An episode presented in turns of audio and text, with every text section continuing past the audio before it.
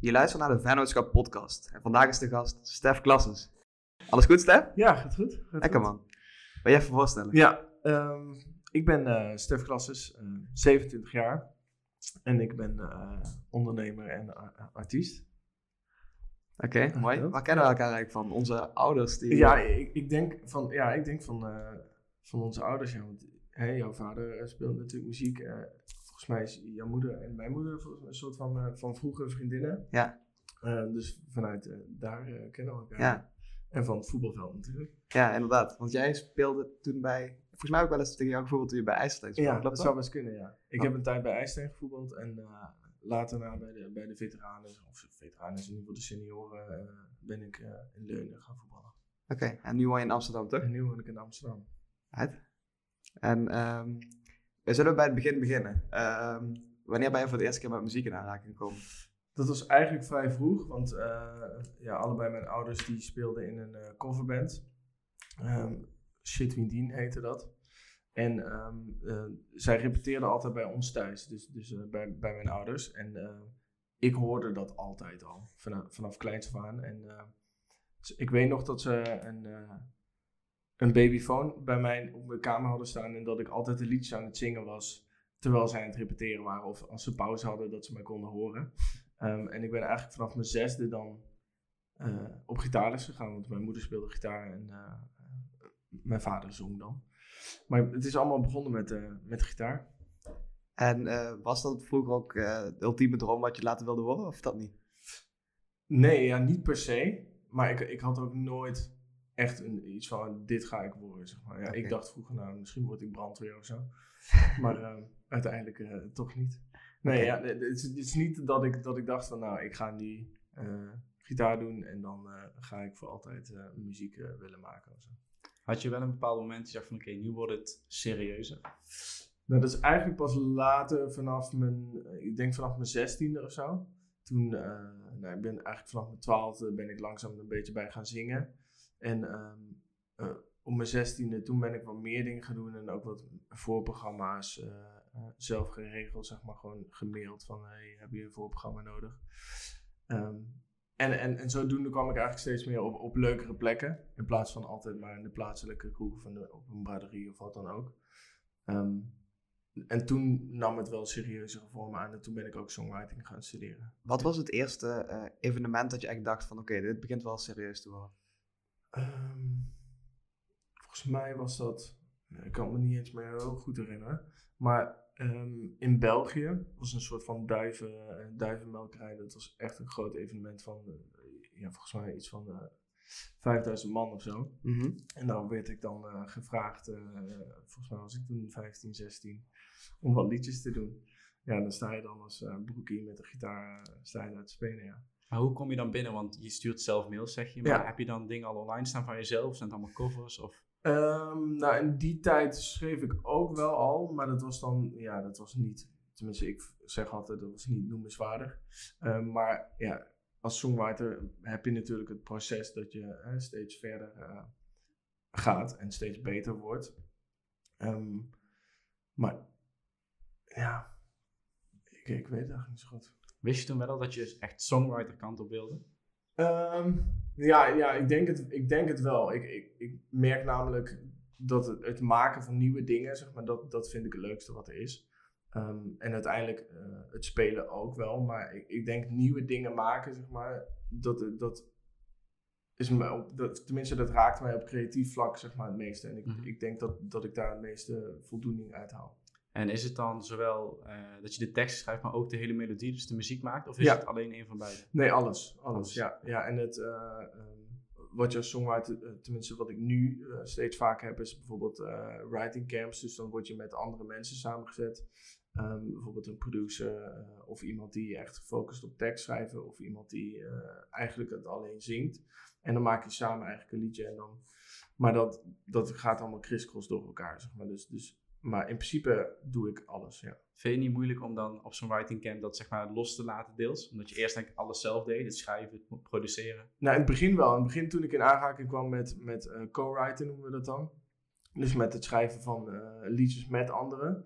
ehm, ik was heel erg gewend om, om zelf, nou, ik doe het zo. En eh, dat is voor mij een soort van waarheid, zeg maar. Of dat is wat, wat ik denk dat het moet zijn. Ehm, dus dan is het heel onwennig als iemand anders zegt van nee, ik zou dit of dit of dit doen. Maar uiteindelijk uh, merkte ik aan het einde van die sessie, uh, een soort van ongeschreven regel als je een schrijfsessie hebt, op het einde van de dag moet er een song klaar zijn. Mhm. Um, en dat hoeft niet hè, uh, helemaal zo'n soort van, nou hier kan het op de radio, maar wel dat het gewoon van kop tot staart gewoon af is. en dat het een oké okay demo is. En ik weet het nog dat ik toen dacht van, wow, dit helpt wel, zeg maar. Want als je met elkaar kunt sparren, en ik denk dat dat op elk uh, ondernemend en creatief vlak is, dat je het beste in elkaar naar boven kunt halen, zeg maar. En natuurlijk heb je ook wel eens, ik heb ook wel eens schrijfsessies gehad dat, ik, dat het niet klikte. Dat heb je wel eens, weet je. Iemand heeft een andere visie. Nou, even goede vrienden, maar uh, ja, ja dat, dat, daar werk je dan niet meer snel mee samen of zo. En hoe komen die sessies dan tot stand? Is het dat jij of die andere, uh, dat je elkaar uitnodigt? Of zit daar een soort van tussenpartij? Um, Nee, op verschillende manieren. Ik, ik werk zelf uh, heel vaak één op één, zeg maar, um, met, met artiesten. Of ik, ik zit bij een publisher, een BMG Talpa heet dat. En die, die zetten eigenlijk die sessies op. Zo heb ik laatst afgelopen dinsdag nog een sessie gedaan voor de Club van Sinterklaas. We hebben Sinterklaas liedjes geschreven. voor René Vroeg hebben we wat dingen gedaan. Glennis Grace. Maxime Vrogen ook. Uh, ja, in ieder geval uh, genoeg uh, andere artiesten waar we dan een writing camp voor hebben. Dus dan heb je meerdere ruimtes waar allemaal songwriters in zitten. En daar gaan we gewoon liedjes maken. Maar dan schrijf je dus ook voor anderen? Ja, ja dat doe ik dus ook veel. Ja. En ik, ik heb dat eigenlijk voordat ik, misschien ga ik nu iets te snel in de chronologische volgorde. Pak maar, daar terug. Maar um, voordat ik meedeed aan The Voice, zeg maar, was dat eigenlijk ook hetgene wat ik uh, heel veel aan het doen was. Omdat ik daar voor nu, zeg maar, de meeste, uh, toen de meeste voldoening uit haalde. En minder in het soort van uh, profileren van jezelf als artiest. Ik merkte dat ik toen het meeste plezier haalde uit het schrijven voor anderen. Mm -hmm. En dat vind ik nu nog steeds leuk, omdat ik, ik schrijf heel veel en ik ben heel creatief. Maar niet alles wat ik zelf schrijf, kan ik zelf uitbrengen. Of vind ik zelf tof genoeg. Of, of vind ik niet bij mezelf passen. Tof genoeg vind, vind ik geen uh, goed woord daarvoor. Um, maar vind ik niet goed genoeg bij mezelf passen om het dan uit te brengen. Ja. En hoe, en zit dat, het... sorry, hoe zit dat zakelijk gezien dan? Dat je schrijft iets en ja. verkoop je dat dan? Of krijg je dan rechten? Um, uh, nou, normaal gezien uh, heb je eigenlijk is het gewoon auteursrechten. Je hebt eigenlijk verschillende rechten van een liedje, zeg maar. Je hebt de auteursrechten en je hebt de masterrechten. De masterrechten is als je een liedje uitbrengt um, en iemand streamt het, zeg maar, of uh, nou, vroeger als een CD verkocht werd, zeg maar, dat geld, dat is dan voor uh, de masterrechten. En dat is vaak uh, een platenmaatschappij in combinatie met een artiest, zeg maar, dus degene die het uitvoert. Um, maar de auteursrecht is de andere kant. Um, dat is bijvoorbeeld wanneer jouw liedje op de radio komt, of wanneer jouw liedje onder een serie zit, of onder een reclame. Elke keer dat het afgespeeld wordt, dan betaalt die, degene waar het op uitgezonden wordt, betaalt dus uit aan de uh, rechthebbende. Um, en dat is eigenlijk de investering die je dan maakt als songwriter, uh, om het maar geplaatst te krijgen. Maar dat is best wel, en dat is nu ook een soort van discussie. Um, want als ik een producer wil uh, inhuren, dan moet ik wel gewoon betalen. Maar een songwriter wordt niet zeg maar, van tevoren betaald. Eigenlijk is het heel gek. Zeg maar. Ik kan toch ook geen brood krijgen bij een bakker zonder dat, uh, dat ik zeg van ja, uh, we zien wel hoe goed het gaat. Ja. Dus, je, dan, dus je verdient eigenlijk afhankelijk van hoe goed het nummer uiteindelijk wordt beluisterd. Ja, ja. maar het wordt ook wel eens uitgekocht. Uh, en dat hangt af per artiest. Um, ik weet dat bij DJ's, zeg maar, die, die willen de rechten liefst allemaal zelf houden. Uh, ook omdat zij weten van nou, als ik iets uitbreng, zeg maar, dan haalt het minimaal heel berekenend. Uh, ik denk niet de DJ zelf, maar het managementteam daaromheen. Dus dan zeggen ze, nou dan kopen we het liever af voor een bepaald bedrag. Uh, dan, dat we, dan dat het een hit wordt en dat we veel af moeten staan. En hoe wordt het dan, zeg maar, die auteursrechten zelf, hoe worden die weer onderverdeeld? Want stel je gaat dus op zo'n writing camp ja. met gewoon echt meerdere songwriters aan één track werken. Eigenlijk is het altijd equal split. Dus altijd is het gewoon iedereen die in die ruimte zit. en dat is zonder de artiest dan, want de mhm. artiest, niet al, sommige artiesten schrijven wel mee, maar de meeste niet die, um, dan krijg je gewoon, uh, gewoon ja, het aantal procent van aan, de aantal mensen die er zitten. Dus als je met z'n tweeën zit, is het 50. En als je met z'n drieën zit, is het 33. En 3, 3, 3, 3. Ja. ja. Want het kan natuurlijk dat iemand ehm, praktisch iets niet toevoegt, maar dat hij wel bijvoorbeeld net dat idee heeft Ja. om het... Daarom Ja, en daarom, is het lastig, zeg maar. eh, en dat is vaak eh, daarom dat er bij, tegenwoordig bij writing camps heb je eigenlijk al split sheets. Mhm. Waar je dus invult, nou, dit, dit, dit. Want anders achteraf, en dat hebben we vaak genoeg meegemaakt, dat er dan ineens zegt iemand van, ja, maar ik heb dit. Je kunt dat nooit in procenten uitdrukken van, weet je wel, misschien had, de, de- ik weet ook, de ene keer heb ik meer inbreng dan de andere keer. Ehm, maar misschien is die, dat ene kleine beetje inbreng wel juist hetgene geweest wat die song zo goed heeft Ja. gemaakt. Dus, Ja. dus je kunt het lastig in percentage uitdrukken. Dat is ook het creatieve proces wat, je, wat, je- wat het juist sterk maakt. hè? Precies. Ja, maar dat is, ehm, ja, dat is zakelijk gezien vaak wel eh, eh, lastiger, zeg maar. Zeker achteraf. Achteraf eh, heeft nooit, eh, heeft nooit zin. En wat is de reden dat de producers wel worden betaald? Ik weet niet, dat is gewoon, de, dat is te ingeslopen of zo. Ehm, maar eh, niet elke producer, zeg maar, is eh, een songwriter. Sommigen zijn ook songwriter, dus die hebben dan hetzelfde idee. Mhm. Ehm, maar eh, ik denk omdat producers die maken het product, zeg maar, dus die doen de productie en mixen en masteren, of dat wordt uitbesteed, uitbesteed, dat kan ook. Maar ehm, dan kopen ze eigen, worden ze afgekocht voor die masterrechten. Want als jij als producer, eigenlijk doe je dan eh, ook hè, de gitaartjes inspelen, of wat dan ook. In ieder geval de hele productie, dus dat telt dan aan de masterkant. Dus daarom worden zij waarschijnlijk eh, eh, uitgekocht of, of voorbetaald. En als je dan eh, featurings hebt, dus stel je hebt Ja. een, een track met misschien wel vier of vijf artiesten, wat je bijvoorbeeld in hiphop best wel vaak Ja. ziet. Ehm, hoe wordt dat dan verdeeld? Want het is vaak één hoofdartiest, denk ik, Ja. die het uitbrengt. Ja, dus de hoofdartiest die, die vangt dan het meest. Zeg maar. Ik heb bijvoorbeeld een featuring gedaan met eh Dubvision. Ehm, dat is een DJ-duo. waar ik een liedje voor heb geschreven. En zij hebben er op een gegeven moment een productie omheen gemaakt. eh, waar ik dan Future als vocalist. Mhm. Nou, dan spreek ik gewoon een bepaald percentage af. Eh, en dat percentage staat dan los van eh, de auteursrechten. Want de auteursrechten is eh, eh, eigenlijk 100% van mij, want ik heb die song gemaakt. Ehm, al hebben zij een andere productie gemaakt, dus daar hebben we dan andere afspraken over gemaakt. Maar voor die featuring is het vaak, ja, is het vaak tussen de 10 en de 30 procent. Omdat je, zij investeren in het, eh, weet je wel, ik ben niet degene die de videoclip betaalt. Ik ben niet degene die de promotie betaalt. Dat doet in hun geval een platenmaatschappij, maar ehm, dat doen ze voor de artiest. Dus Mhm. vandaar dat er dan andere afspraken over worden gemaakt. En ehm, als je bijvoorbeeld dan zo'n track hebt met vijf artiesten, wordt Ja. het dan weer... Want wie, wie, wie bepaalt dan zeg maar... eh, want vaak is die... Je had net over de equal split. Ja. Vaak zie je ook in een liedje of in een featuring, vooral met meerdere artiesten, dat ook Ja. allemaal evenredig is verdeeld. Ja. Wie bepaalt dan wie de hoofdartiest is? Ehm, ja, dat, dat, dat hangt af van, kijk, als zo'n writing camp is voor bijvoorbeeld eh, René Vroger, dan weet je, nou, dat gaat voor René Vroger worden. Dus wat vooraf wordt het eigenlijk al... Ja, vooraf wordt het vaak bepaald of degene die, hè, soms worden ook wel eens liedjes gewoon in het wild, zeg maar, noemen we dat, geschreven. En dan gaat je, ga je het pitchen, dat, dat gebeurt ook wel eens. Dus ehm, in mijn geval, ik, ik stuur dat dan naar mijn publisher, dus, dus BMG Talpa. En dan zoeken zij bijvoorbeeld eh, iemand die dat zou kunnen zingen of uitbrengen. En dan weet je, ah, dat is de hoofdartiest. En mocht diegene zeggen van, nou, ik wil graag dat Stef daar ook bij komt. Nou, dan weet je dus dat dat de hoofdartiest is. Eigenlijk is het voor een, heeft het voor een groot deel best wel wat over, overlap met wat wij doen, hè? Als creatievelingen en dan in alle, allemaal verschillende Ja. disciplines. Ja, Eigenlijk werkt volgens mij precies hetzelfde. Ja, het, het, het is, eh, hè, je, je maakt iets ehm, van begin tot eind, zeg maar.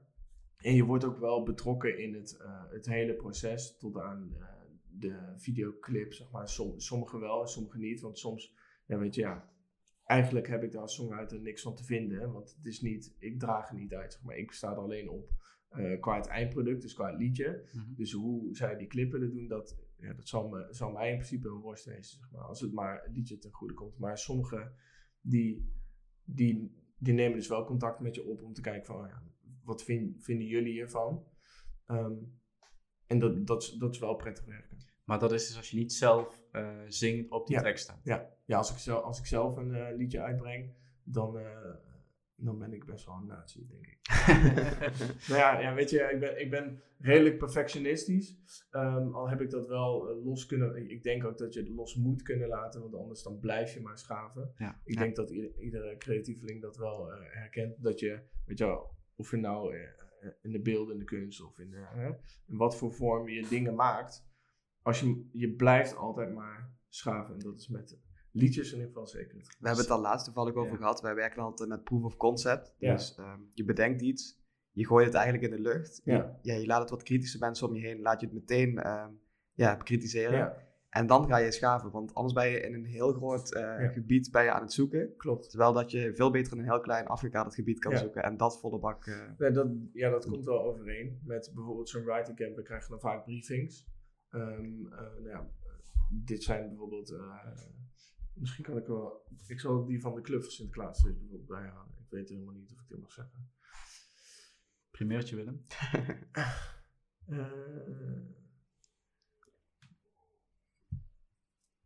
Nou, ik zal niet de titel noemen, denk ik. Nou, dat is een verkeerde.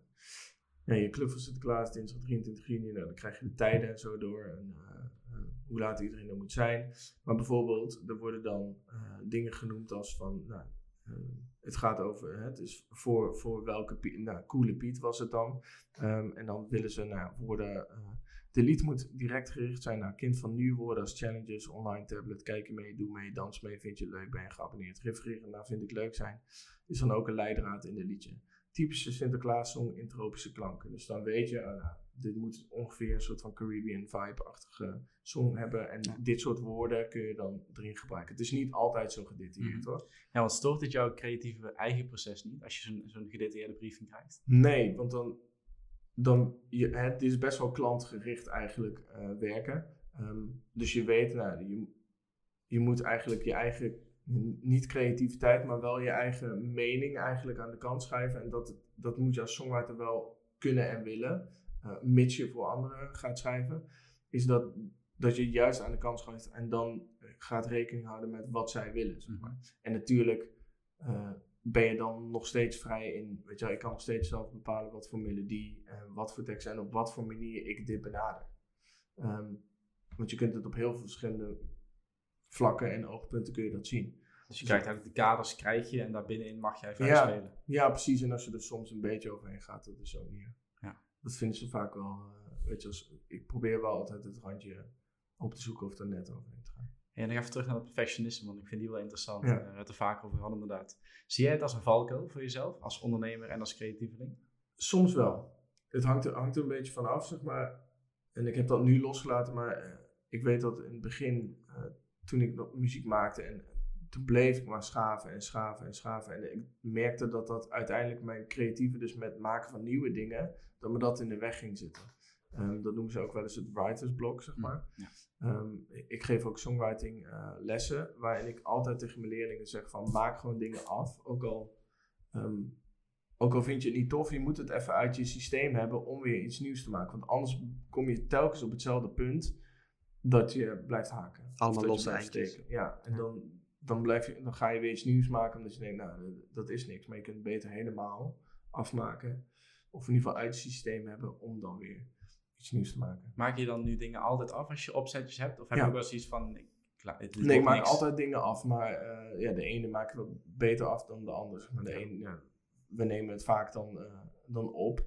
Ehm, en als ik, als ik denk van ja, ik ga er zelf niet veel mee doen of ik wil het uitsturen, dan, eh, dan is het een gitaartje, een zang of een piano en zang. En, en dat, dat is het, zeg maar. Is er een soort van ja, dump eigenlijk waar je demotjes naartoe kunt sturen als je weet dat je zelf niks meer wil doen? Ja, nou ja, ik stuur het dus altijd naar eh, of mijn management, die heeft ook veel contacten, of, of BMG Talpa in dit geval, die, eh, wat mijn publisher is. Dus die, die heeft allemaal, die, hè, voor degene die, die luisteren, die denken, wat, wat de fuck is een publisher?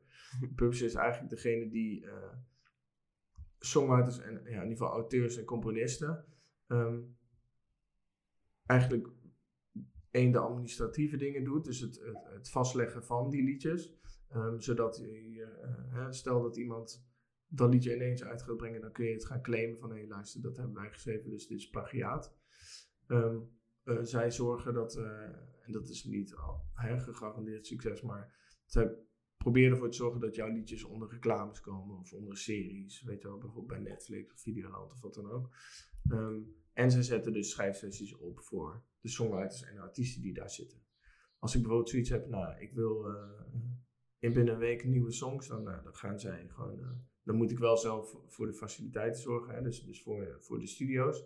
Maar zij zorgen dan voor de songwriters die dan daar gaan zitten. En wat is dan het verschil? want ik pak hem even terug naar de hip-hop wereld. Je ziet heel veel grote artiesten of echt opkomende artiesten die een eigen label starten. Ja. Ik denk dat dat label is dan hetzelfde als een platenmaatschappij, denk ik. Ja, ja label is platenmaatschappij. Ja. En die publisher zit dan daar weer boven of zo? Dat is weer iets anders. Je hebt eigenlijk de andere tak, zeg maar. Een label um, is echt voor de artiest. Um, en, de, en BMG Talpa is, uh, of een publisher in dit geval, is voor de songwriters en de auteurs. En Ah, niet alle artiesten zijn auteurs.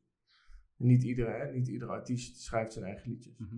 Um, en een label die zorgt eigenlijk voor dus, hè, dat het op Spotify komt, dat daar promotie bij zit, dat uh, videoclip, dat ze, weet je wel, eigenlijk alle ideeën.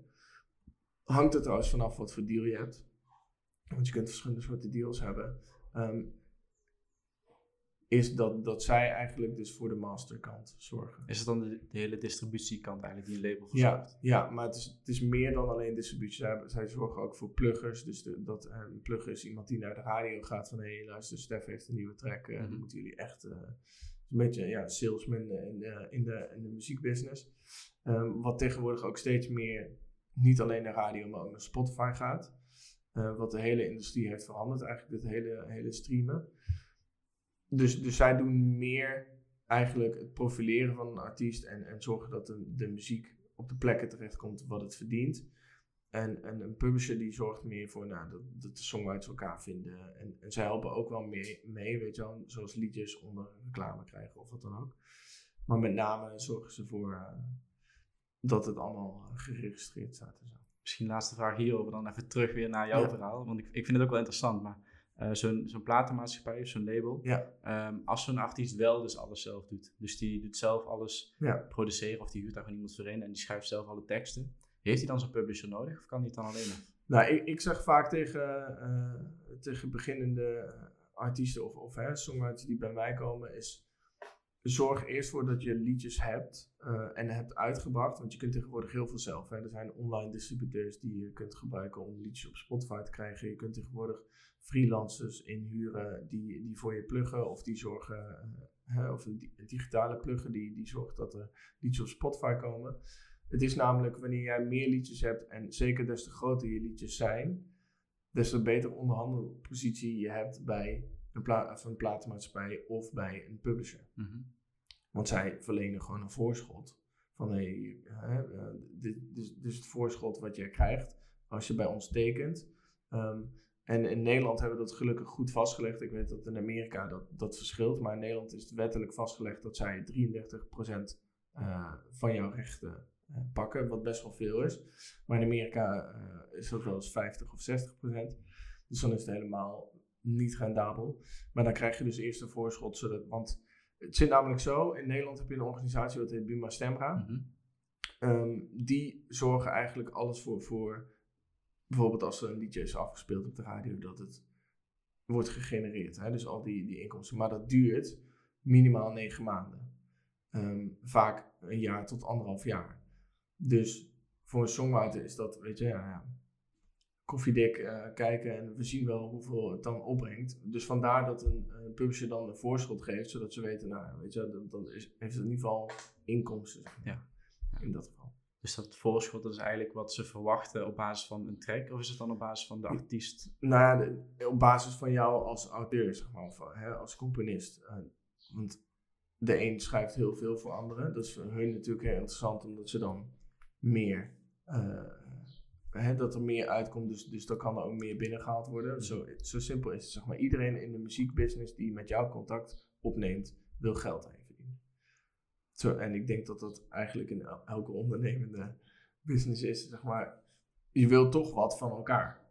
Anders ga je niet met elkaar in zee. Je wilt er op een of andere manier beter voor worden. En als je er allebei beter voor wordt, dan is het win-win. Maar er zijn helaas in de muziekbusiness heel veel die die alleen aan hun eigen gewin denken in plaats van het gewin van een artiest bijvoorbeeld. Wanneer kreeg je hiermee te maken? Want misschien is dat wel een goed punt om weer terug te pakken naar jouw verhaal. Want je begon ook, en dat vond ik interessant, je begon met ik ben ondernemer en uh, artiest. Ja. Ehm, wanneer kwam het punt dat je inzag van oké, de muziekbusiness is gewoon een harde business. Ja. Ehm, en ik moet daar ook gewoon echt mijn mannetje gaan staan. Um, ik, ik, denk dat ik vrij laat pas uh, dat heb gerealiseerd. Want in, hè, ik, ik ben het liefst nog steeds op creatief vlak bezig. Dus ik ben het liefst gewoon maken. En ik wil me niet, eigenlijk niet druk maken om percentages of uh, hè, de, eigenlijk de achterkant uh, van de muziek. Maar ik, ik, weet dat ik, ik denk dat het 22, 23 was dat ik op een gegeven moment, uh, ik, ik heb al een aantal managements versleten. Waar zit je nu? Qua management. Ja. Bij Hype, Hype Schouten. Dat is een, ja, een gast die zit in de Wisseloord Studios in Hilversum. Die ik via via ben tegengekomen. En die, die heel hard werkt. En okay. dat, dat, vind ik eigenlijk het belangrijkste. Zeg maar. Ik heb heel, best wel veel met wat bekendere managers, uh, managements gezeten, wat uiteindelijk dan niet heeft gewerkt. Mm -hmm. um, en daarin, weet je, daarin, daarin moet je ook kunnen onderhandelen. Want ja. hey, je kunt wel altijd vertrouwen op de visie van degene waar je mee samenwerkt, maar als je zelf geen visie hebt, dan werkt dat nog niet.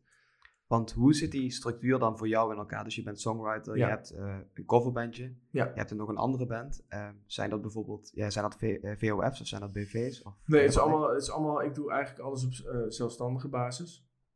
Um, die, die coverband, ja, die coverband is wel een, een, VOF waar ik dan zelf eigenlijk aan factureer. Mm -hmm. um, want ik zit niet in, de, in dat bedrijf, zeg maar. Um, wat ik ook prettiger vind, want dan is het, hè, stel dat, dat mijn eigen carrière zo goed gaat, dan, dan hoef ik dat niet meer te doen. En dat wil niet zeggen dat ik het niet leuk vind, maar voor mezelf vind ik het leuker. Zo simpel is Onafhankelijkheid. Ja. ja. Um, dus eigenlijk is alles op basis van uh, zelfstandig. Dus je hebt gewoon een soort van, je hebt eigenlijk gewoon een eenmanszaak. Ja. En hoe heet die eenmanszaak? Stef Klasses. Oké. Dat is gewoon mijn eigen naam, dus dat is heel, uh, dat is heel makkelijk. Oké, okay. en dat werkt ook zo met die, uh, met die writers camps en zo? Ja, dan kun je alles, ja, ja. ja precies. Ja, alles uh, is op basis gewoon van mijn eigen naam. En dat vind, dat vind ik ook het prettigste om alles op één plek te hebben. Dan allemaal verschillende BV's of VOS of wat dan ook. Ik wil hem eigenlijk nog een paar jaar, een paar jaar terug in de tijd gaan. Ja. En hoe oud was jij toen je begon met singer-songwriter? de beste singer-songwriter bedoel je? Ja. Um, hoe oud was ik toen? Volgens mij was ik 19. Want uh, toen kwam je natuurlijk voor het eerst op tv. Ja. En uh, ja, als je met je kop op tv komt, dan verandert er denk ik wel wat. Ja. En ik ben eigenlijk heel benieuwd naar die tijd, hoe je dat hebt ervaren. Uh, ja, het is een hele leuke tijd geweest. Het is ook een tijd, in ieder geval daarna, na de Song, is een tijd geweest dat ik, dat ik mezelf ben tegengekomen.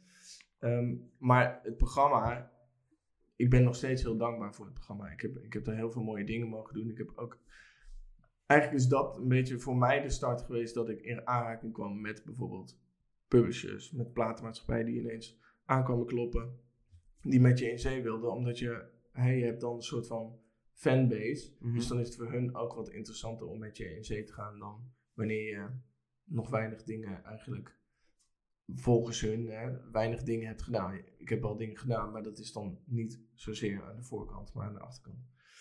En ehm, ik weet dat daarna, uh, we hebben best wel veel shows gedaan. Um, een tour samen met alle finalisten van de Best Sing Song. We hebben op Siget heb ik gespeeld. Uh, wat gek is dat je ingevlogen wordt. En, uh, ik weet nog dat, dat, dat mijn gitaar, daar moest een extra stoel voor geboekt worden. Want dat waren ze vergeten. Want ik, ik hou er niet van om mijn gitaar in het ruim te hebben. Zeg maar. Ja. Omdat het, het, is, ja, het is een heel, heel duur en vooral heel emotioneel, ja, ieder geval waar je heel veel emotionele waarde aan hecht, aan, aan, aan, dat instrument. Dus dan vind ik het belangrijk dat dat ook met liefde wordt uh, behandeld. En ik weet ook van koffers en zo dat dat niet altijd uh, even goed gebeurt. Dus ik dacht, nou, dan, dan maar een, een extra stoel. Maar daarna ook een eigen tour gedaan. wat in het begin wel, wel, wel goed ging. Maar uiteindelijk werden we gebeld van, nou, in ieder geval mijn, mijn boeker werd gebeld van hé, hey, uh, er zijn nog weinig kaarten verkocht. En, en dan ga je heel erg aan jezelf twijfelen. Uh, zowel op zakelijk gebied als op creatief gebied. Eh, en toen ben ik eigenlijk mezelf tegengekomen. En toen ben ik juist aan de achterkant gewerkt. En toen dacht ik van ja, als het, zo moet, weet je, dat je zo hard moet knokken voor, voor je eigen plekje. En dat, er dan, dat je dan shows moet cancelen, weet je wel. Dat doet, denk iedere ondernemer, maar ook vooral mij als artiest doet dat, doet dat natuurlijk pijn, weet je wel. Ja. Ehm, dus ik, ik heb toen eh, eigenlijk best wel lang daarmee gelopen. Totdat mijn, eh, mijn toenmalige vriendin eh, naar me toe kwam. Evie, die ken, die ken je ook. Ja. Ehm, die, die zei van, nou weet je Stef, zo gaat het niet langer. En dat is denk ik twee jaar geleden nu. En toen ben ik een, een jaar bij een, een psycholoog gaan lopen. En vanaf dat moment eigenlijk alles weer teruggevonden. En het plezier ook weer teruggevonden in de maken van muziek. En nu eh, voel ik me sterker dan ooit. En ehm, dat bespreken we vaker in de podcast. Mhm. Doe je iets van ehm, mindfulness of meditatie om balans te krijgen? Of wat doe je om balans te krijgen? Nou Ja, ik, ik, merk zeg maar eh, dat, dat slaap, goed slapen wel belangrijk is. Eh, en, dat, en dat verschilt per, hè, verschilt per mens hoeveel slaap je nodig hebt. Ehm, eh, bewegen. Ik beweeg heel veel. Ik doe veel eh, hardlopen. Zeker nu eh, alle eh fitnessscholen dicht zijn. Die vanaf 1 juli weer open zijn. Dus ik heb al een aantal reservaties staan. Ehm, maar ja, en eigenlijk dus normaal fitnessen ik merk dat dat prettig is, zeg maar. Bewegen is gewoon heel erg, heel erg belangrijk om even alles juist los te laten. Mhm. Hoe lang heeft die periode geduurd van dat je jezelf tegenkwam Mhm. totdat even tegen jou zei van hé luister Stef, tot hier Nou, en niet verder? Nou, ik denk dat het eh, dat dat best wel, ik denk dat dat drie jaar heeft geduurd. Ja, ja 2014, ja, eigenlijk, toen was het nog een goed jaar, zeg maar 2015 tot 2018. Dat, en dan hou je jezelf natuurlijk een masker voor, want iedereen op een verjaardag vraagt van, en Stef, Mhm. hoe, eh, komt er nog nieuwe muziek of weet je wel? En dan, ja, ja, weet je, het gaat helemaal goed. Maar aan de achterkant weet je van, dat gaat niet goed. En heel lang lieg je dan tegen jezelf en geloof je dat ook van, eh, gaat nog wel goed komen. En uiteindelijk, ja, dan, eh, dan gaat het niet meer. Zeker als dan hè, iemand als eh, je toenmalige vriendin, zeg maar, een, een spiegel voorhoudt. Dan, dan ga je anders kijken en dan denk je, oh ja, inderdaad, fuck. Ik zit hier eigenlijk al langer mee dan dat ik zelf dacht. En hoe zagen die drie jaar er dan uit? Kwam er ook echt niks? Produceerde je ook echt niks? Nee, nee, ik was, eh, ik was eh, les aan het geven vooral. En wel wat her, en der wat eh, optredens aan het doen. Maar ik haalde er nergens echt voldoening uit of zo. Alleen als er af en toe een schrijfsessie kwam of af en toe wat leuke optredens, dat, dan leefde je daar naartoe. Maar daarna als je weer thuis was, dan was het weer... ik weet nog dat ik gewoon ook neer... Weet je wel, dat, dat ik het zelfs te veel gevraagd vond als ik even boodschap moest doen. Dat alle prikkels te veel zijn eigenlijk. Ja, alles is dan, alles is dan te veel. En je hebt, weet je, je hebt gewoon geen kracht, geen energie. Ehm, en ik ben toen eh, naar de dokter gegaan. Weet je, je moet daar een, eh, in ieder geval een voorschrift voor krijgen om te kunnen gaan naar een psycholoog. Mhm. Eh, en ze dachten in eerste instantie dat het een burn-out was. Want ik ben wel iemand, wanneer die, weet je, ik kan niet snel stoppen. Ehm, als ik dan aan het werk ben, dan blijf ik maar gaan en blijf ik maar gaan. En dat heb ik nu nog steeds, maar nu weet ik wel het balans, zeg maar, beter te vinden. Dus ze dachten eerst, nou, dat is een burn-out. En vervolgens, eh, ehm, tijdens de sessies met de psycholoog, zijn we erachter gekomen dat het eigenlijk dieper zat dan een burn-out, zeg maar. Dat het echt de, eh, de stempel depressie eh, heeft gekregen.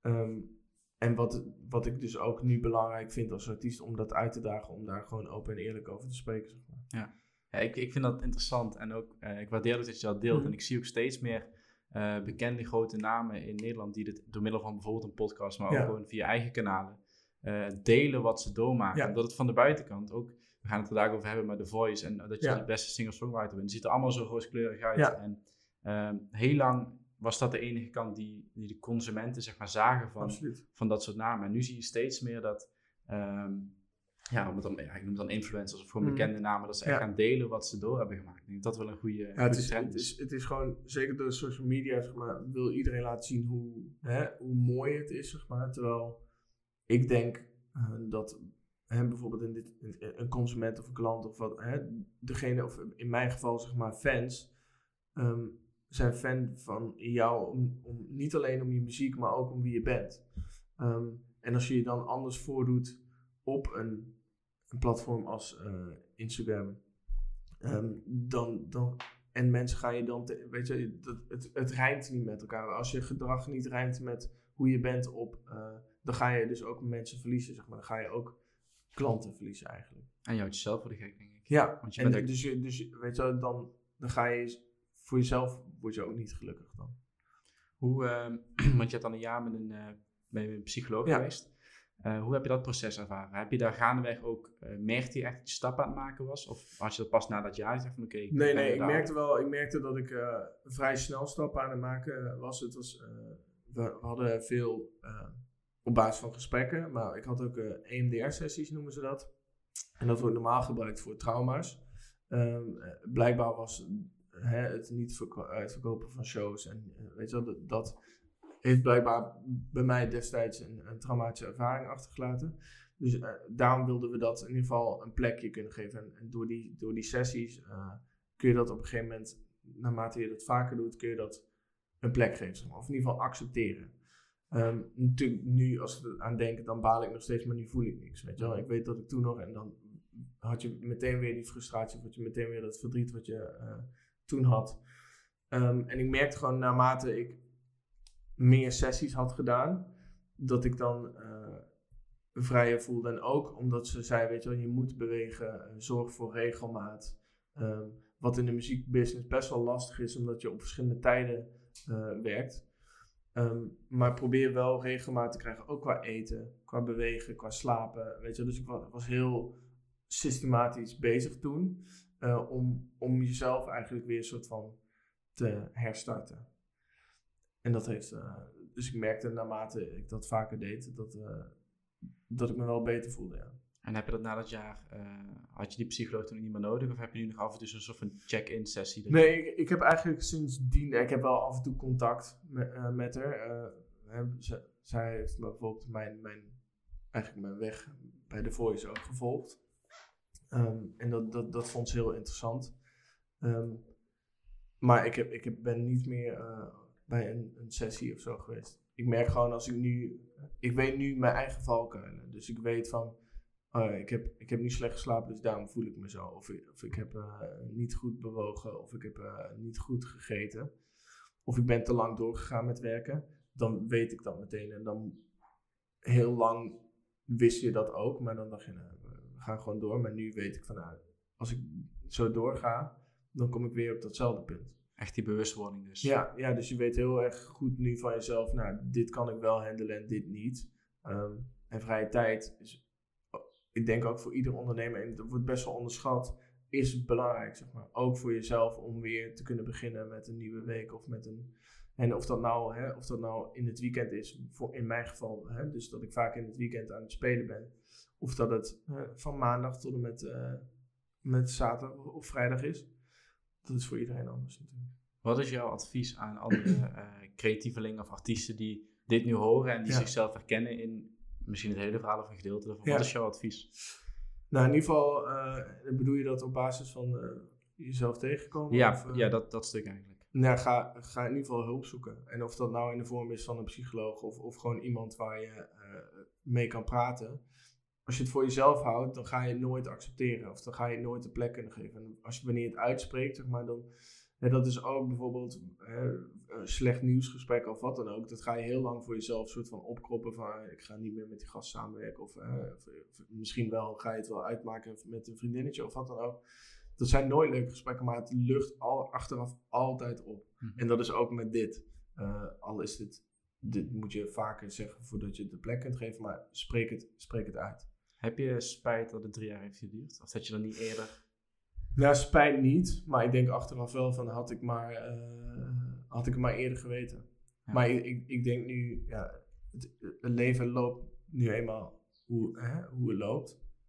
Dus ik kan er toch niks aan veranderen. Dus ik kan wel zeggen van, nou, had ik het maar eerder gedaan, maar dan maak je jezelf alleen maar gek, denk ik. Ja. En merk je dat je er nu wel voordelen van ervaart eh, bij het schrijven van muziek? Dat kan me wel voorstellen. Ja, ja weet je, je, durft ook open eh, eh, en eerlijke over bijvoorbeeld, hè, dat ik dat heb meegemaakt, eh, te hebben naar andere artiesten toe. En dan weet je dat er heel veel, want ik denk dat bij bijna elke creatieveling dat wel zit. Onzekerheid, perfectionisme, weet je, dat soort dingen. zit- denk bij iedere creatieveling zet dat erin. Dus, dus heel veel raakvlakken heb je dan ook met elkaar. En de een spreekt het wel uit en de ander niet. Ehm, maar ik, ik weet, of ik heb in ieder geval gemerkt als ik het zelf uitspreek, naar bijvoorbeeld degene met wie ik schrijf, dan gaan ze ook eerder zich openstellen naar uh, jou toe. Wat natuurlijk belangrijk is, want je wil een eerlijk liedje schrijven. En eigenlijk is dat heel gek, want als je in een schrijfsessie zit en ik heb iemand voor de eerste keer ontmoet, ja, eh, dan, je gaat zo snel in het diepe, weet je wel, van het is bijna van, hoi, ik ben Stef, ik ben depressief geweest, wat heb jij meegemaakt, weet je wel, dat. Zo, eh, eigenlijk is het heel gek om dat uh, zo te doen, maar zo werkt het wel, omdat je, sowieso is het makkelijker om te schrijven over pijn dan over leuke dingen. Um, omdat het vaak als therapeutisch ervaren wordt. Um, maar ik merk dat wanneer je eerlijk durft te zijn naar die ander, dat diegene dat dan ook sneller durft terug te doen naar jou. Dus eigenlijk vanuit een periode waarin je heel lang niet wist wat er, wat er bij jezelf speelde. Ja. En het niet durfde toe te geven daardoor. Um, wat, wat drie jaar heeft geduurd voordat je uiteindelijk die stap durft te wagen. Ja. Is het nu binnen twee minuten, als je iemand nog niet kent, dat je zegt van, hé hey, luister, ik dit is mijn verhaal. Ja. En, en laten we erover schrijven. Ja, ja, ja en dat is natuurlijk een beetje aftasten ook uh, in het begin van, is, is, hoe open is diegene? dus dat is altijd een soort van spelletje. In het begin, je hebt vaak het eerste half uur tot uur, dan doe je een beetje praten over hè, wie je bent of wat, wat je hebt gedaan, um, wat voor liedjes je hebt geschreven. Um, en dan ook een beetje, ja, het is een beetje bijkletsen eigenlijk. Of eigenlijk ja, niet per se bijkletsen, want het is heel vaak ook met iemand die, uh, waar je nog niet eerder mee hebt gewerkt. Um, maar ja, het is, het is wel vaak uh, ja, zo van, hoi Stef, dit, en, en, waar wil je over schrijven? En dan vaak moet je diegene wel op zijn gemak stellen dat ze, hè, als ze iets ergs hebben meegemaakt of wat dan ook, dat ze dat ook kunnen delen. En dat het in ieder geval discreet blijft, zeg maar. Dat is wel, want vaak in liedjes uh, schrijf je niet letterlijk op uh, wat, wat er is gebeurd. Ik heb wel eens met iemand gewerkt die, uh, die, die me vertelde dat ehm, dat, dat, diegene misbruikt is, zeg maar. Nou ja, dan ga je ook niet zeggen, weet je wel, maar dan ga je het op andere manieren, zodat andere mensen zich ook kunnen interpreteren, of in ieder geval kunnen vinden in bepaalde dingen die je zegt.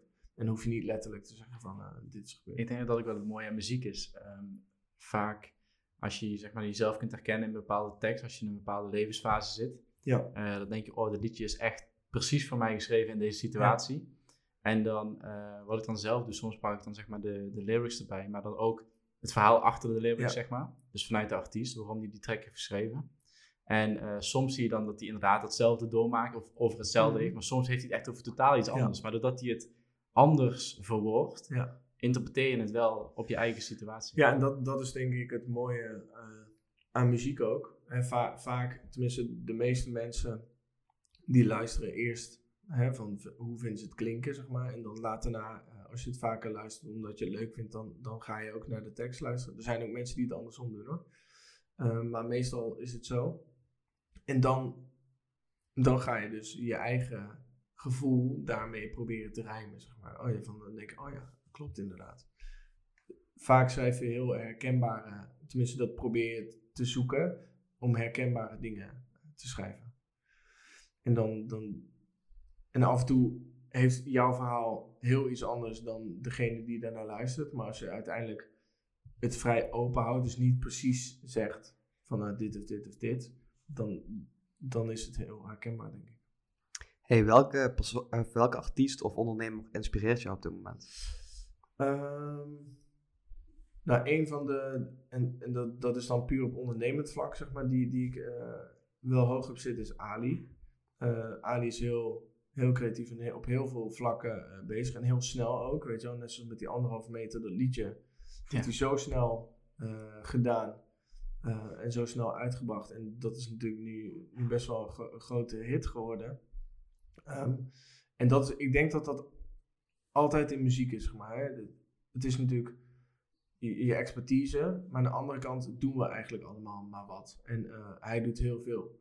En dat is eigenlijk, denk ik, wel goed ook. Dus, dus qua ondernemend vlak, hij, muzikaal gezien, niet, niet per se. Um, muzikaal is een van mijn inspiratiebronnen heel lang John Mayer geweest. En uh, inmiddels is dat Lauf.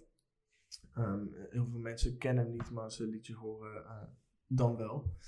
Uh, die vind ik gewoon op creatief vlak heel, tof schrijven ook, ook hij heeft, ik weet dat hij ook een depressie heeft gehad, of in ieder geval in een slechte periode geweest en dat ook uitdraagt. Eh, in liedjes, maar ook eh, in video's of wat dan ook. En ehm, hij speelt eigenlijk bijna alle instrumenten zelf en produceert zelf. En dat doe ik, doe ik eigenlijk nu steeds meer ook. Dus dan vind ik dat alleen maar interessant. Je hebt vrij recent in de, in de finale van The Voice gestaan. Ja. En um, je hebt volgens mij meer dan 20.000 uh, volgers op uh, Insta. Ja, dat klopt. Uh, wat doet zoiets met jou?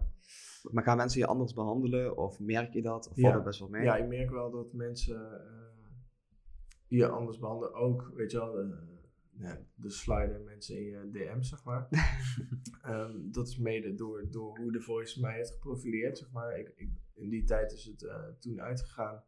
En werd telkens benadrukt van dat ik single was. Terwijl ik echt bewust had aangegeven, nou, weet je wel, je mag best zeggen dat ik single ben, maar het hoeft niet mm -hmm. uh, er echt bovenop te liggen.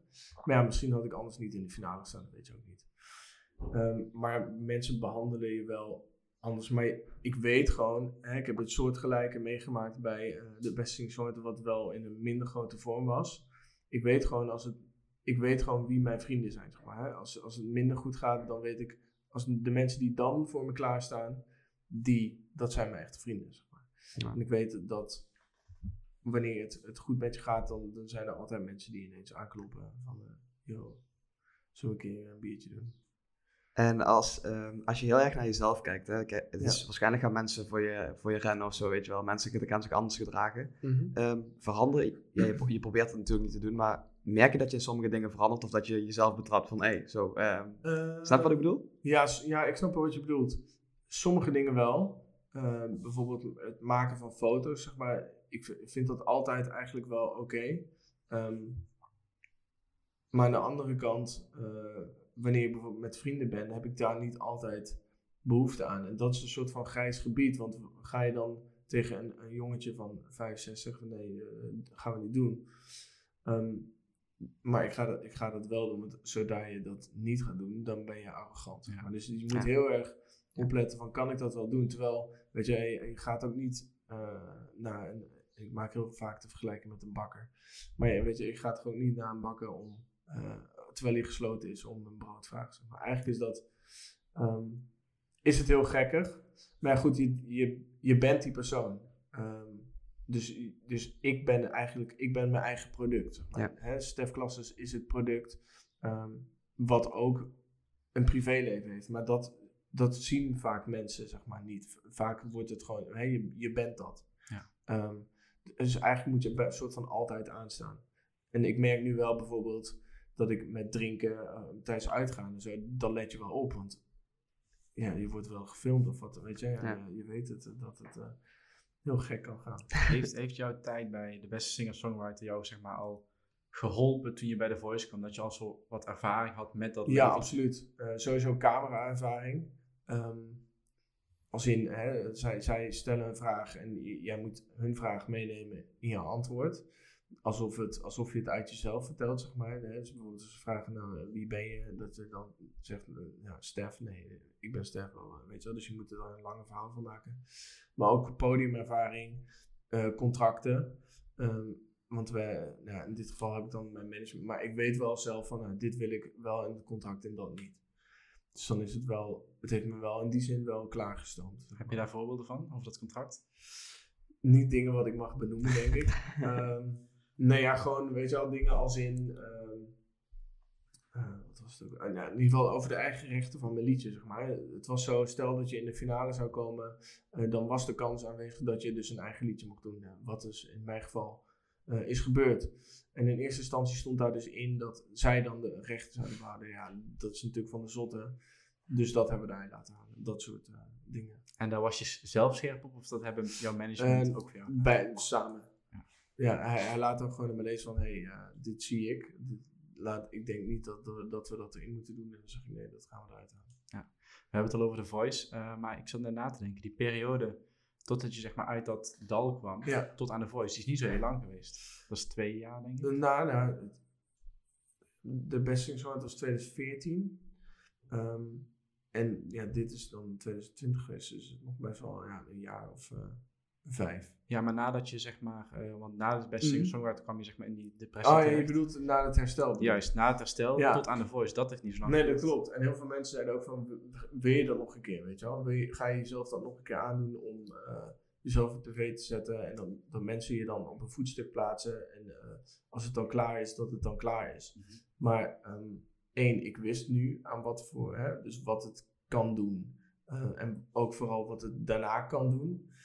Ehm, en ik wilde gewoon aan mezelf bewijzen van, doe daarmee en geniet ervan. Zeg maar. Want ik weet nog, in de beste Sing- tijdens de Sing Songwriter was ik heel erg gefocust op het presteren.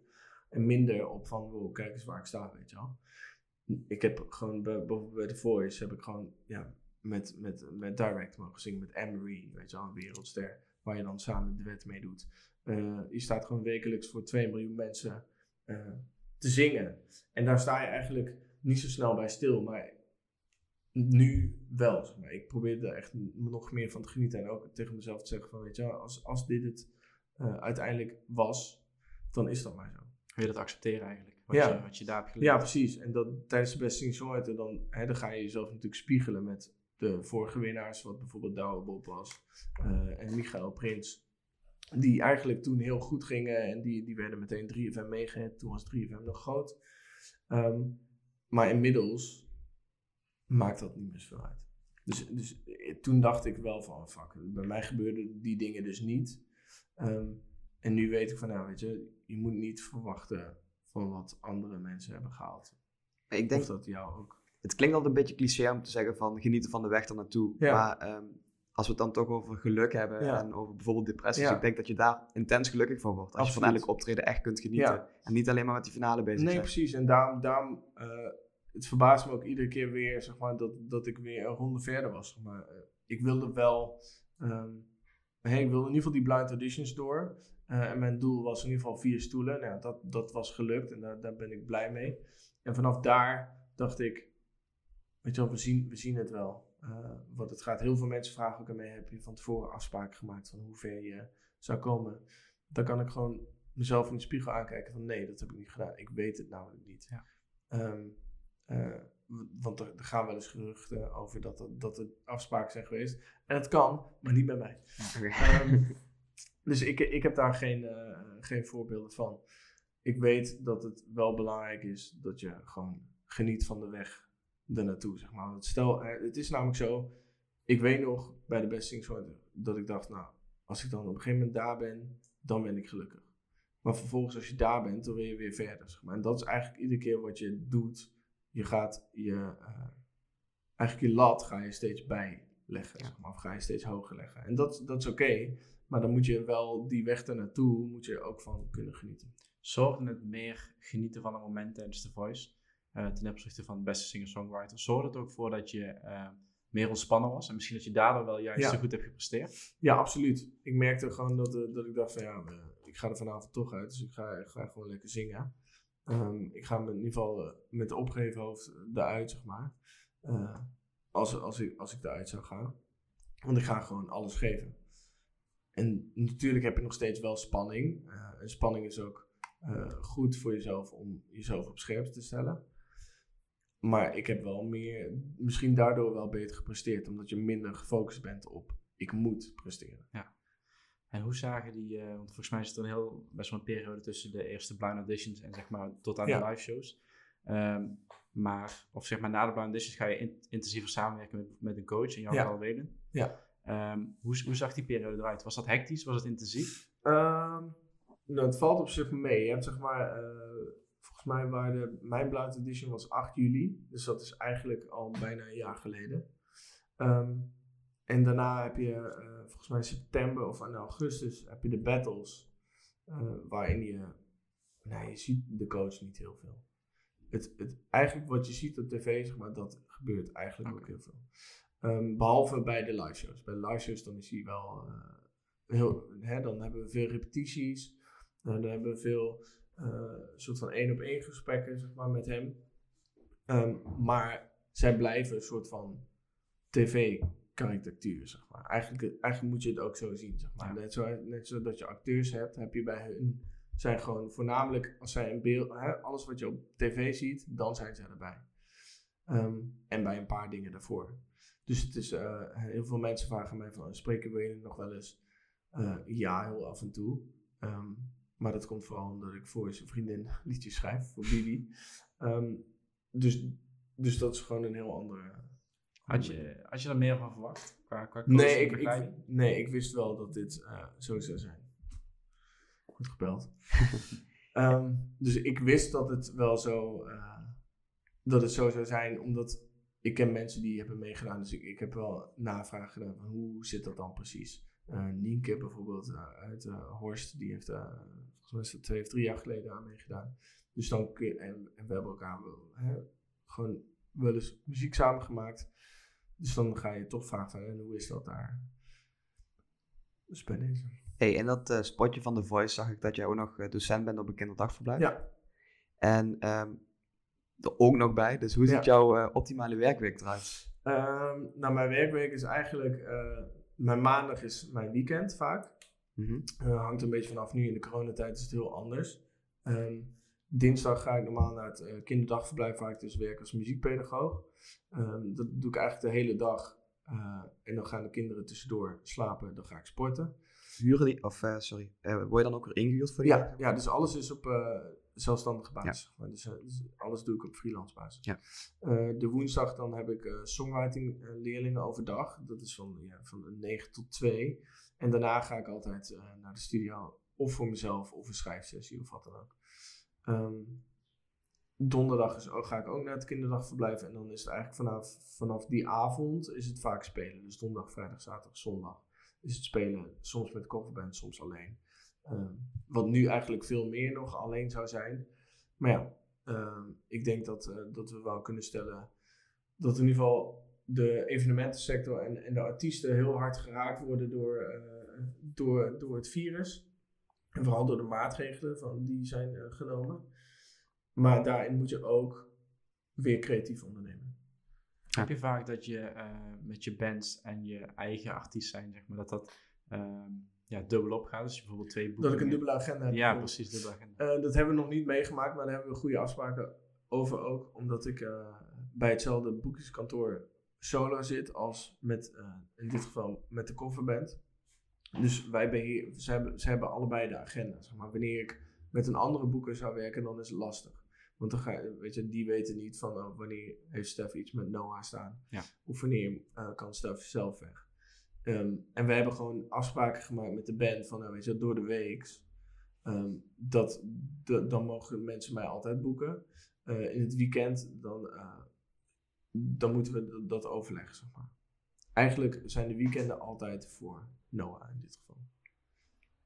Tenzij ik bijvoorbeeld een eigen show heb. Maar dan is het mijn verantwoordelijkheid dat iemand anders meegaat met Noah. Mhm. Want ik ben niet het gezicht van Noah. Ik ben wel het gezicht van Stef. Zeg maar ik kan niet uh, ineens uh, Willem uh, erop afsturen die, die zegt, nou, ik ben Stef Klasse. maar met Noah is dat minder, minder het geval. Al merk ik wel dat na de Voice gaan mensen ook Noah boeken omdat ik erbij zit. Ja, dat is mijn volgende vraag. Maar dan heb je dus wel echt gemerkt dat daar de boekingen ja. omhoog gingen door jouw naam. Ja, ja. ja dat, dat, dat is natuurlijk prettig. Ja. Uh, dat, dat dat helpt.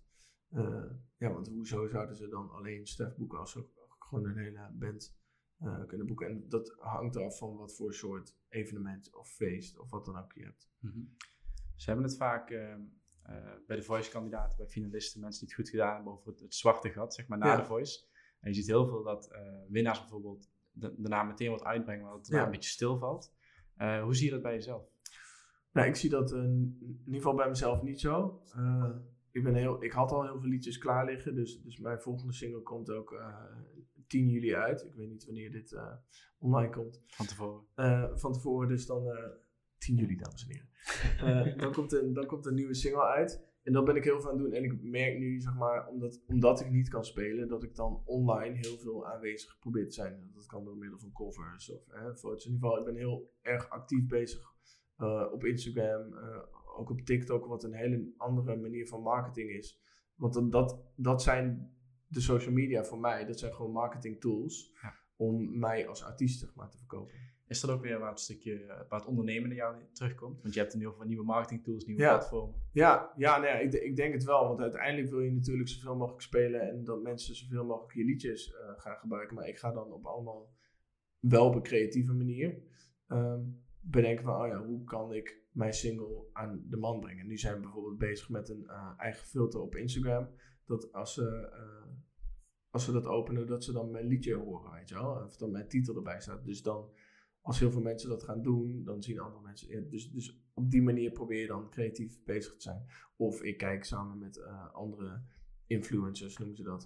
Ik vind het een vies woord, maar blijkbaar ben ik dat tegenwoordig ook. Dat als, je, als je meer dan een bepaald aantal volgers hebt en je samenwerkingen aangaat met, eh, met, met bedrijven. Heb je eigenlijk een blauw vinkje op Insta? Ja, Lekker man. ja, ja Ja, ook ben, op ben je echt influencer. Ja, dan ben je echt influencer. ja.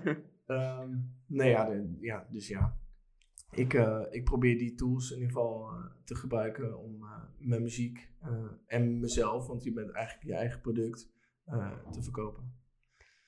En je hebt natuurlijk, weet je wel, je hebt heel veel statistieken tegenwoordig wa- waar je kunt zien, oh ja, dit is ongeveer mijn doelgroep op Instagram, dit is mijn doelgroep op Spotify, want dit Spotify voor Artists of Apple Music voor Artists, waarin je allemaal kunt kijken wie, wie zijn nou de luisteraars, weet je, waar komen ze vandaan.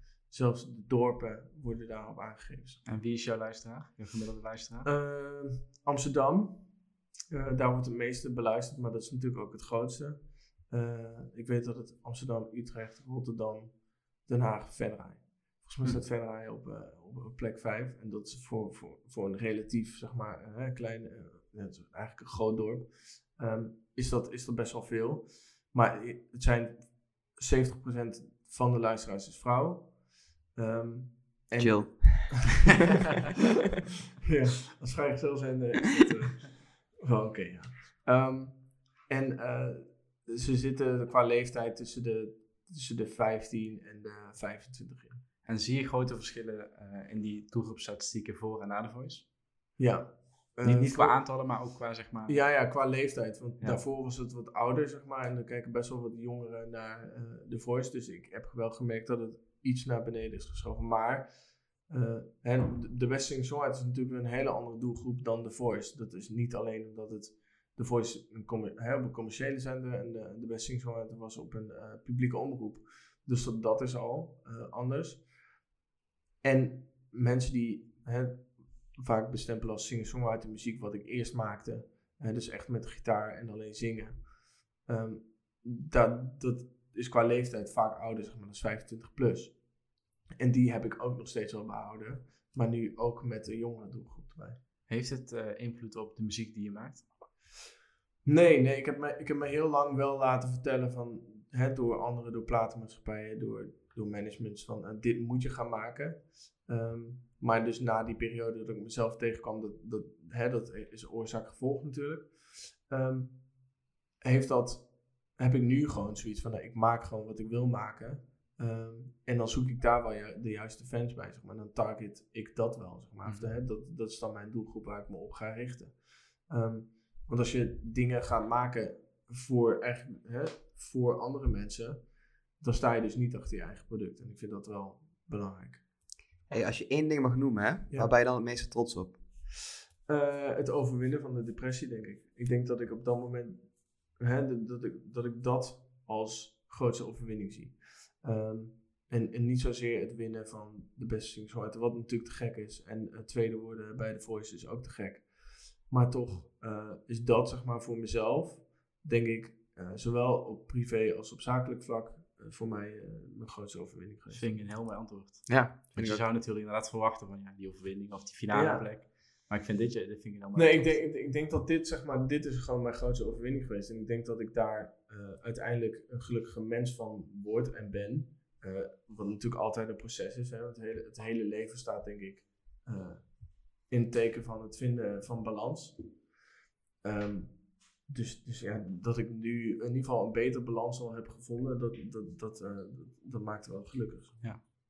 Hey, en wij vragen ook altijd naar een blunder, die willen wij graag eh, weten van onze gasten. Kun je daar zo nog één herinneren? Ah, ja. Ehm, volgens mij was dat bij The Voice, ja, maar dat hebben ze niet uitgezonden. Ehm, je hebt zo'n trappetje zeg maar naar beneden. Mhm. Ehm, en daar, eh, daar struikelde ik over. Ik denk dat dat mijn grootste blunder wel daar is geweest. Bij Of- de live shows of daarvoor? Ja, volgens mij, nee, het was niet bij de livestreams. Volgens mij was het bij de blind of bij de battle, een van de twee. Omdat ik bij die bat- de battle was voor mij heel spannend, want het was eh, eigenlijk kozen alle andere coaches voor, eh, voor Julia, eh, wat een soort van mijn tegenstander was tussen aanhalingstekens. En ik moest dus, en Welen koos toch voor mij op een of andere manier. Dus ik, ik was zo beduusd en ik liep, zo- dus ik struikelde half. Maar dat is gelukkig nooit, nooit uitgekomen. Maar de grootste blunder, denk ik, als artiest zijn, is gewoon je eigen tekst vergeten. Dat, dat, eh, maar dat heb ik vaker gehad. Maar dan in, in het begin, dan denk je, oh fuck, weet je wel, dan, dan doe je niks. Van de zenuwen nu- of zo. nu- ja, ja, van de zenuwen of gewoon, weet je, ik schrijf heel veel liedjes, dus dan op een gegeven moment weet je niet meer van, oh ja, huh, oh, dit heb ik al lang niet meer gezongen, wat, wat is de tekst ook weer? Vaak komt dat wel, maar ook wel eens niet. En dan, dan, ja, dan zing ik misschien twee keer hetzelfde couplet of zo. Heeft niemand door. Ja. Nee, meesten hebben dat niet door. Heb jij nog eh, dromen? Ja, ja, ik denk dat je altijd blijft dromen. Eh, en voor mij is dat gewoon eh, hopelijk straks gewoon toeren, uitverkochte zalen, zeg maar, en dat, dat langzaam op gaan bouwen. Ehm, ik weet nog, weet je wel, na de beste met de target heel erg op gewoon grote zalen en, en grote plekken. Maar ik denk dat het belangrijker is en dat het ook mooier is, zowel vi- visueel gezien, zeg maar. Hè. Het is mooier om om vijf kleine shows van misschien 100 man of tot 200 man eh, allemaal uit te verkopen. Dan allemaal die grote zalen te doen en dat het half vol staat, zeg maar. Dat, dat is één voor de sfeer van de show belangrijker. En als iets uitverkoopt, zeg maar, dat, dat, staat, dat verkoop je dan ook weer beter naar de grotere zalen. Of misschien moeten we nu naar de grotere zaal gaan. Dus dat wil ik heel graag. Ehm, en mijn, mijn grootste doel of droom is gewoon de beste songwriter zijn die er is. Ja, mooi. Dat is een vrij hoge, hoge lat. Maar eh, eh, nou ja, weet je, als je nooit droomt, dan kom je nergens. Hey, wij sluiten altijd af met een eh, gouden tip voor onze luisteraars. En eh dan ben ik heel benieuwd naar die van jou. Ehm, nou ja, verzamel. ik denk dat de voor mij in ieder geval een gouden tip is, is dat je mensen verzamelt die eh, dingen beter kunnen dan jij. Ehm, waar, hè, heel vaak begin je als ondernemer voor jezelf, zeg maar. Dus ik, ik, ik heb daarin gemerkt, weet je, je doet heel veel dingen zelf, maar ik heb op een gegeven moment mensen gezocht dus die, die heel goed konden produceren, waar, waar je dus heel veel dingen van kunt leren.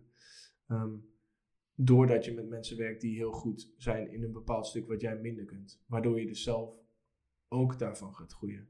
Ik denk dat het belangrijk is dat je mensen verzamelt die en het beste met je voor hebben in goede en slechte tijden.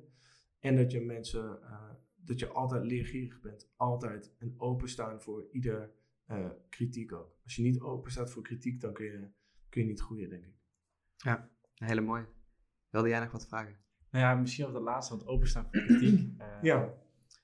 Heb je dat ook moeten leren? Of had je, had je altijd al zoiets van, daar kan ik wel mee omgaan, ik kan feedback wel Ehm, handelen? Nou ja, ik, ik heb er wel mm, beter mee leren omgaan, zeg maar. Ik weet dat... eh, eh, ik, ik vind kritiek prima, als het maar eh, goed beargumenteerd wordt, weet je. Als je iemand zegt van, ik vind je lul en je kent me niet, ja, dan, dan kan ik niks mee, weet je Ja. wel.